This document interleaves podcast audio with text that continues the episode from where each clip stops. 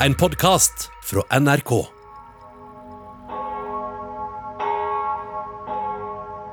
Tre ut av tiden. Legge på røret. Ta et steg til siden. Krepere. Det å dø har mange navn, og alle vil møte på døden før eller seinere. Men hvordan vet du at noen er døende? Og hva skjer med en menneskekropp etter at det siste sukk er trukket?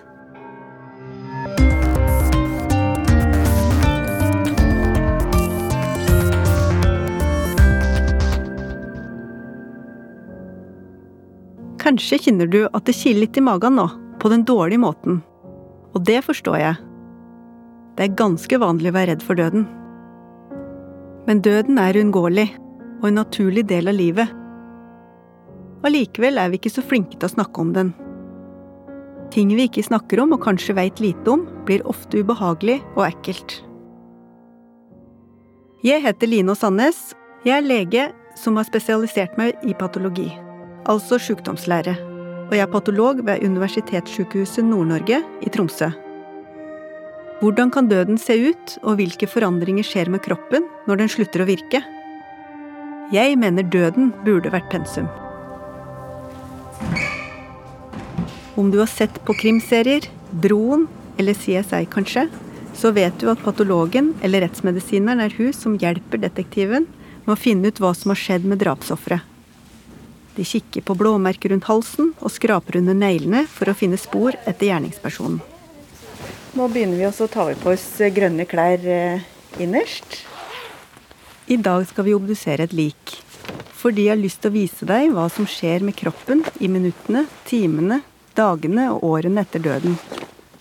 Blir vi til jord til slutt? Og så Utapå det så tar vi på engangsutstyr. Som eh, hansker, armtrekk og plastforkle. I tillegg til eh, hette og mm, ansiktsmaske med visir. Og støvler. Ja, skal vi se, da. Men først La oss starte med hva som skjer når vi dør. Når starter begynnelsen på slutten, og når er det egentlig slutt? Se for deg en gammel bestefar som ligger for døden. Hva skjer egentlig med kroppen hans rett før han trekker sitt siste pust? Den gamle blir ofte trøtt og generelt svakere. Han slutter kanskje å spise og nekter å åpne munnen for mat eller drikke. Det er fordi matlysten ofte blir dårligere, og det kan være vanskelig å svelge. Han begynner kanskje å puste tungt, blir blek og kald i huden og får litt blåaktige lepper og fingre. Det blir kanskje vanskelig å snakke og finne de rette ordene.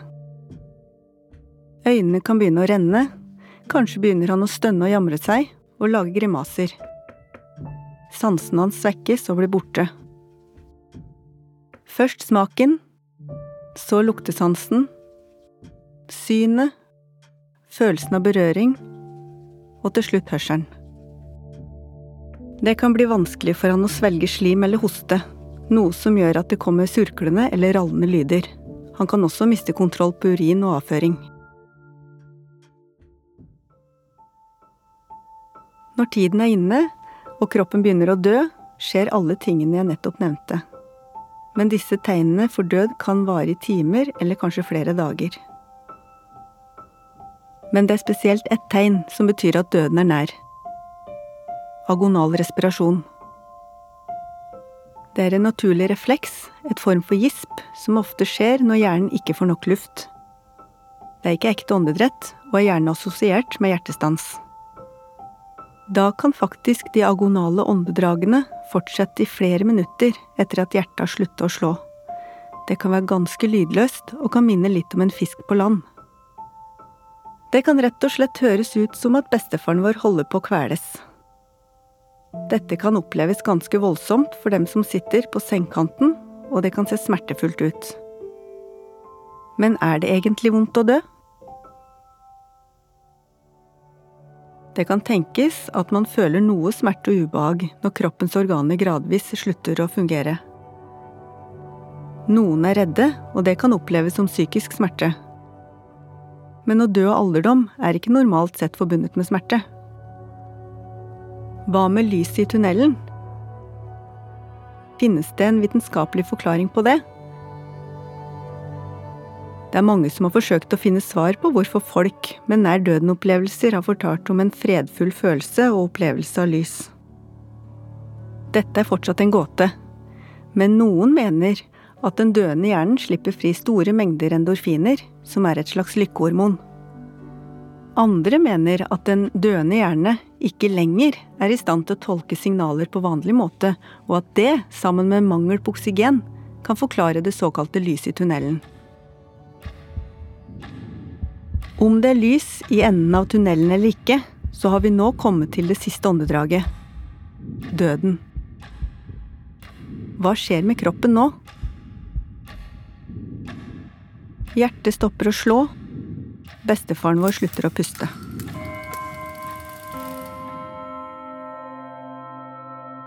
Det første som skjer, er at pupillene hans stivner. Det er fordi det er hjernen som styrer dem, og når hjernen dør, blir også pupillenes evne til å utvide seg og trekke seg sammen borte. Når hjertet slutter å slå, prøver kroppen desperat å holde seg levende ved å konsentrere blodet til de viktigste organene, som lunger og hjerne.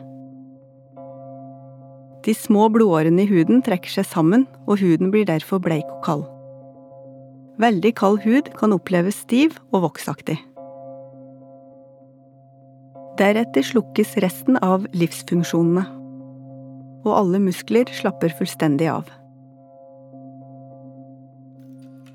Men dette kan også være et kritisk stadium. I disse minuttene etter døden kan det være mulig å gjenopplive et menneske. Et menneske kan f.eks. slutte å puste ved drukning, eller hvis man har fått et elektrisk støt. Er man veldig rask med effektiv hjerte-lungeredning, kan hjertet settes i gang igjen. Men hvis man er uten oksygen lenge nok, vil det ikke være mulig å vekke kroppen til live, og hjernen blir ødelagt. Men hvordan kan du vite at en person er død på ordentlig? Det må være en lege til stede når en person blir erklært død. Og da eh, lytter de på lunger, men spesielt etter hjertelyder. Så undersøker de om pasienten har reflekser ved å lyse på øynene, eller så bruker de en papirbit for å berøre øyet, for det vil utløse refleks som å blunke, f.eks. Sykepleier Camilla Holten Giske har lang erfaring med dødsfall på sykehus. Så begynner vi å stelle kroppen litt som om den var i live.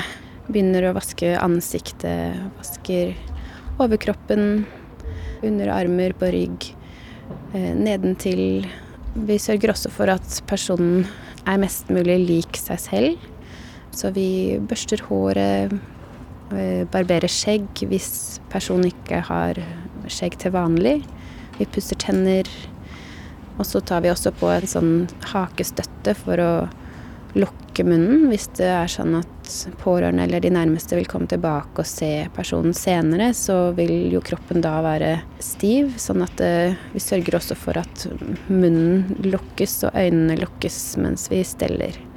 Sånn at eh, kroppen stivner til i en mest gunstig måte.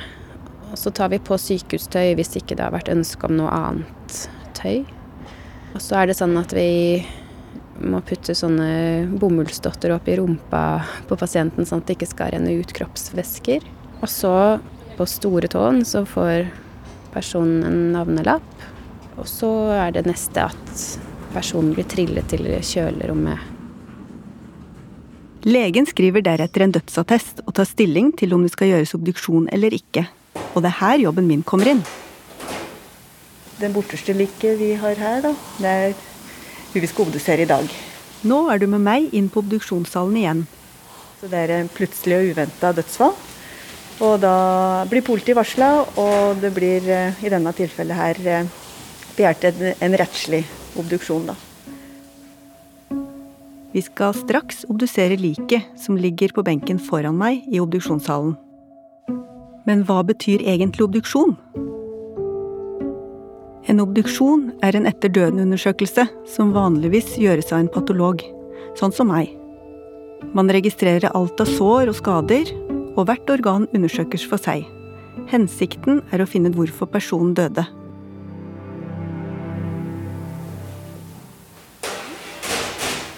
Så da kan vi jo nærme oss eh, bålet. La oss starte obduksjonen. Nå må jeg bare si at dette her kan kanskje virke voldsomt for de som ikke jobber med dette til daglig. Så dette er jo et lik som har ligget på kjøla. Aller først undersøker jeg huden. Jeg er ekstra påpasselig med den biten hvis det er en rettslig obduksjon. Eventuelle skader beskrives og måles. Vi ser at eh, hun har litt, eh, litt overfladiske skader på huden. For eksempel så legger vi merke til om sår har rufsete eller rette kanter, om det ser ferskt eller gammelt ut, og om det er dypt eller overfladisk. Arr noteres, og om det er tatoveringer eller andre kjennetegn, noteres det òg. Men ellers ingen feilstillinger av bein eller armer eller sånne ting. Og ingen store hudskader. Og så undersøker vi jo øynene, for da ser vi om det er noen små blødninger som vi alltid sjekker etter, som innimellom kan oppstå. Det er f.eks. Kveling. Og så sjekker vi òg munn- og tannstatus, om det er skader. Så ser vi òg etter eh, resten av kroppsåpninger, da, om det ser normalt ut. Så la oss nå se hva som skjer med kroppen etter at døden er et faktum. Det er stor forskjell på å dø hjemme under ei varm dyne enn på Mount Everest i snøstorm og minusgrader. Temperatur, luftfuktighet, årstid, geografi, fettinnhold i kroppen, skader og infeksjoner, giftstoffer og bekledning har mye å si for det som skjer med en død kropp.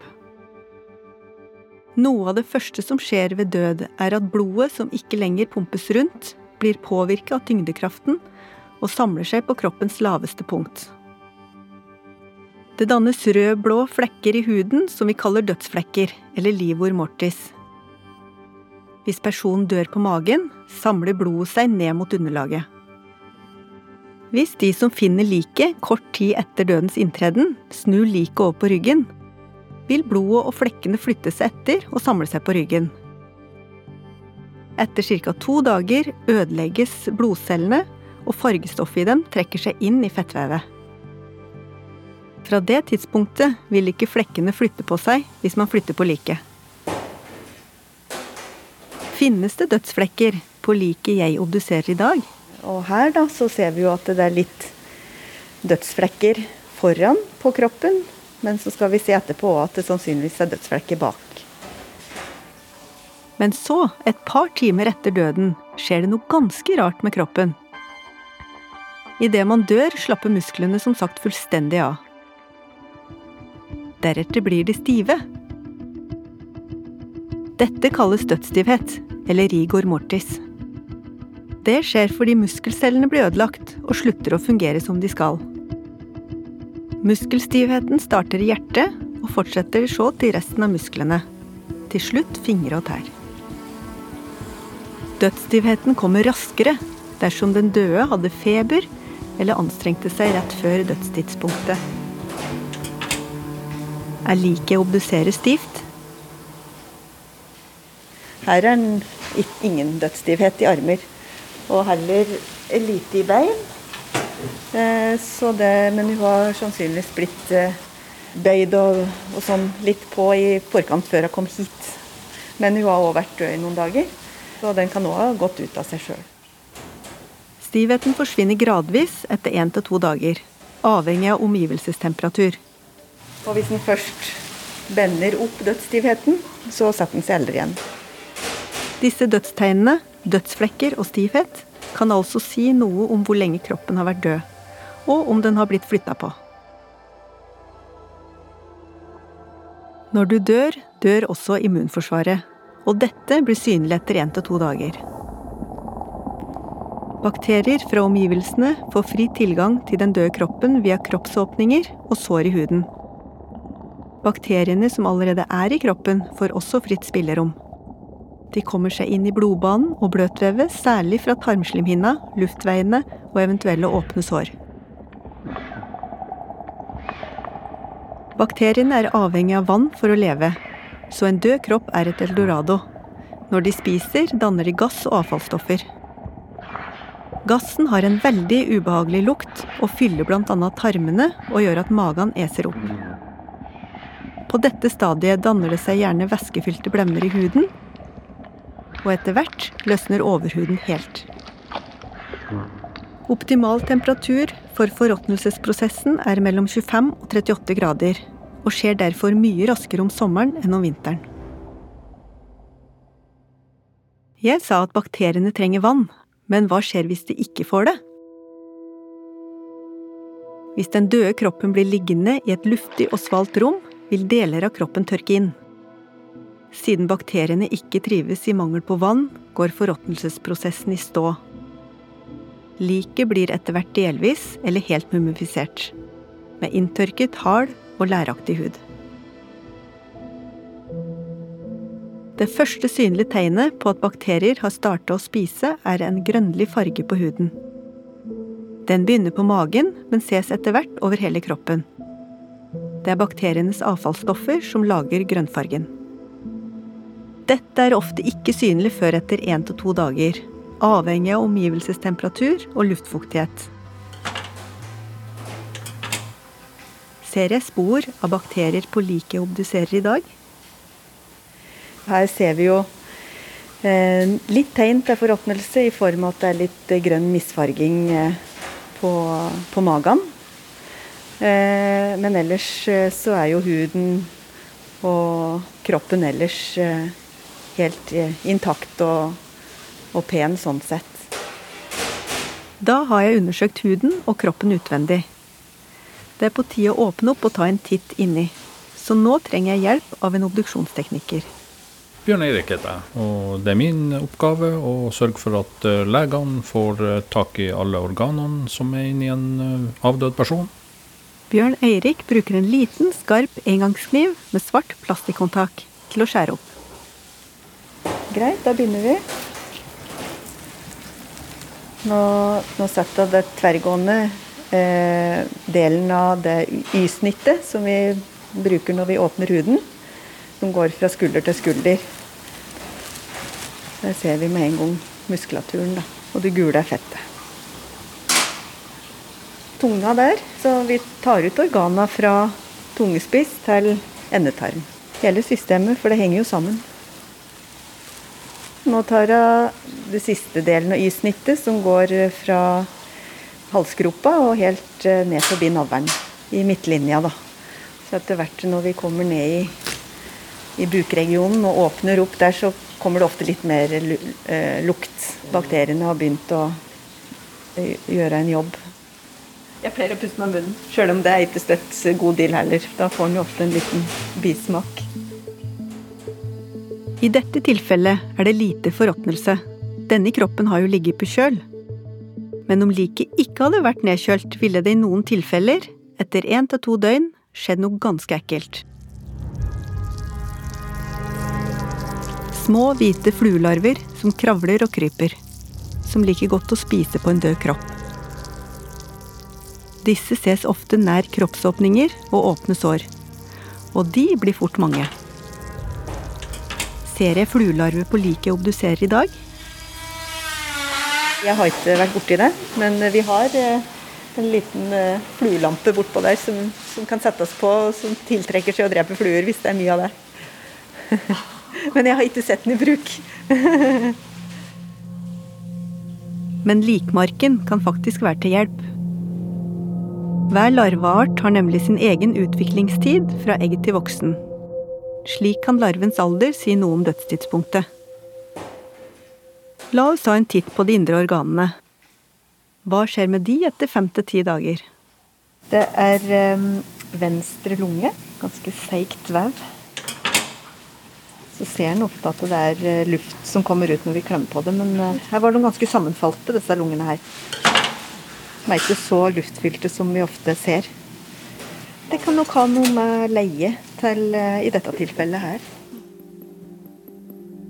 Etter fem til ti dager i romtemperatur har det meste av strukturen til de indre organene gått til grunne og blitt mer eller mindre deigete eller geléaktig. Bakterier har dannet så mye gasser at magen kan ha est til enorm størrelse. Jeg har lest om hvaler som har grunnstøtt og blitt liggende døde på land. Bakteriene i tarmen har laga så mye gass at hvalen til slutt eksploderte. Ser jeg spor etter bakterier inni liket jeg obduserer? Og så har vi magesekken her. Der er det mye luft. Mye bakterier som lager mye gass, da. Som gjør at eh, tarm og magesekk ofte blir veldig sånn luftfylt. Lik som blir liggende for lenge i havet i varmere strøk, vil ofte komme flytende opp til overflata pga. all gassen som dannes av bakterieaktiviteten. Flytende på overflaten vil liket raskt bli mat for måker og andre sjøfugler. Til slutt vil skjelettet synke til bunns. Hvis forråtnelsesprosessen får gå sin gang, driver insekter, dyr og bakterier på til det ikke er mer kjøtt og hud igjen, kun skjelett. Dette tar omtrent ett år i normal romtemperatur med vanlig luftfuktighet. Med et lik som ligger i jorda, tar det lengre tid. Ca. ti år før det bare er skjelett igjen. Skjelettet derimot er laget av kollagen og kalsiumfosfat. Så lenge det ikke blir utsatt for f.eks. varme og fuktighet eller sure miljøer, kan skjelettet holde seg intakt i mange hundre år. Det er ganske vilt å tenke på. Så fra de første tegnene på at døden er nær, til det ikke er igjen noe av kroppen, kan det ta flere hundre år. Livet etter døden er på en måte lenger enn livet sjøl. Nå er du tilbake på obduksjonssalen. Her er du lag på lag med muskler bak i nakke-rygg-regionen. Jobben min nå er å finne dødsårsaken. Her er det noe som stikker ut, som ikke er som sånn det skal være. Da ser det ut som at det En brudd tvers gjennom der, tror jeg. Ja, er det ikke det? Ja. det, er det. For når det Kjenner er fingeren nedi der. Ja, ikke sant. Også at det var såpass åpent på andre sida. Ja. Mm. Nei, så da fikk vi sett at det var et gjennomgående brudd, da. Kan fint være dødsårsaken. Ja, nei, men eh, det er fint. Du kan bare lokke. Da er jeg ferdig på obduksjonssalen for i dag. Men hva om de etterlatte vil se den døde en siste gang etter obduksjonen? Blir ikke det vanskelig? Skjortekravet vil jo dekke til det her såret her. Så det ser plutselig mer fredelig ut. Etter at liket er stelt, kan man nesten ikke se at det har vært foretatt en obduksjon. Det skal sies at etter ei trafikkulykke kan den døde se penere ut etter en obduksjon enn rett etter ulykka. Nå er jobben min ferdig, men hva skjer med kroppen etter at den blir gravlagt? Vi er jo ikke blitt til jord ennå. Det er jo ikke alle som vil begraves i jorda, Kremasjon, også kalt likbrenning, er et alternativ. Da føres kista inn i en ovn som har en temperatur på mellom 760 og 1150 grader. Det tar allikevel opptil en og en halv time før man kan være sikker på at alt er brent opp.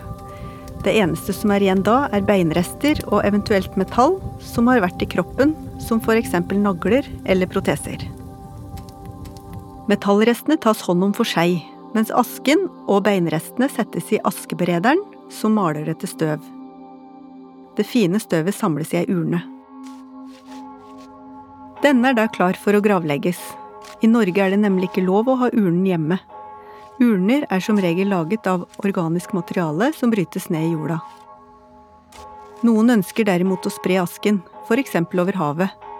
Da tas asken lett opp i naturens kretsløp. I Norge er jordbegravelse og kremasjon det vanligste. Men hvor lenge får vi hvile i fred? Fredningstiden er 20 år, og det er etter siste eh, kiste. Så hvis det er en avdød som eh, dør i løpet av en 4-5-6-7 år etter førstemann, så er det ikke noe, tar man ikke opp den kista. Men da er det 20 års fredningstid etter siste. Dette er Rune Sem. Han jobber for gravferdsetaten i Oslo. Så i en gammel grav som er tatt skal tas i bruk på nytt, så finner vi, finner vi rester. I uh, noen tilfeller så graver vi ikke opp, for da er det for mye rester. Da må vi finne en ny grav.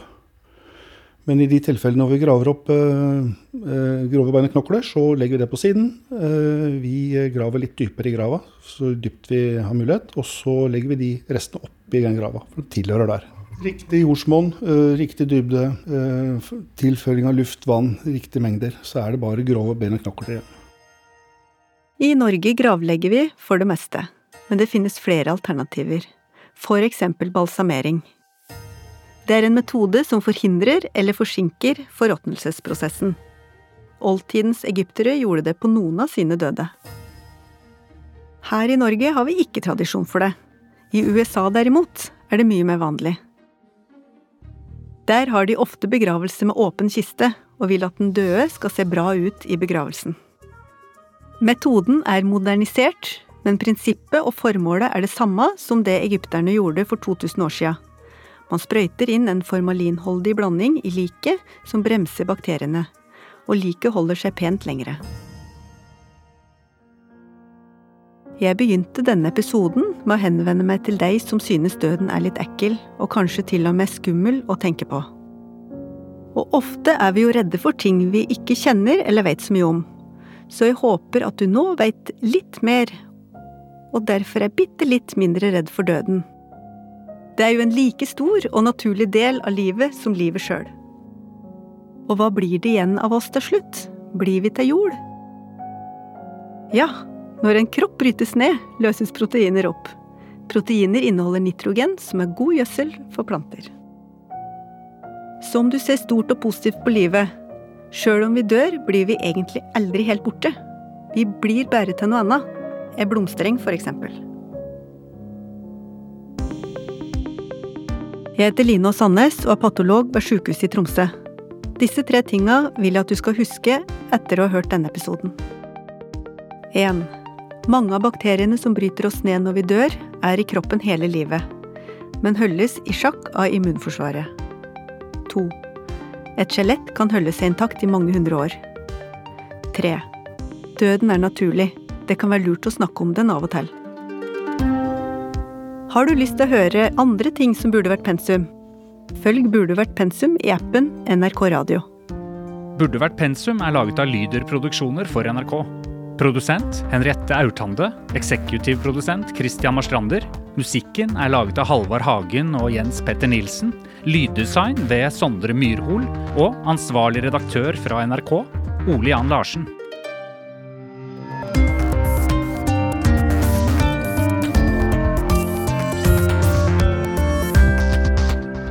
En podkast fra NRK.